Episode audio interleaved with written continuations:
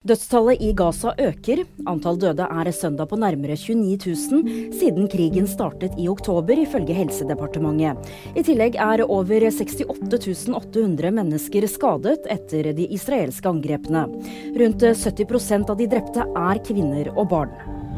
Donald Trump kommer med kraftige anklager etter bedrageridommen. Han mener dommeren i saken der han er dømt til å betale 355 millioner dollar i bot, forsøker å påvirke presidentvalget. Trump anklager også dommeren for å tilhøre en venstrevridd sammensvergelse mot ham. Ragnhild Mowinckel falt i super-G. 31-åringen mistet balansen og fløy inn i sikkerhetsnettet. Hun ble liggende et par minutter, men det ser ut til å ha gått bra. Mer om denne saken og flere andre nyheter finner du alltid på VG.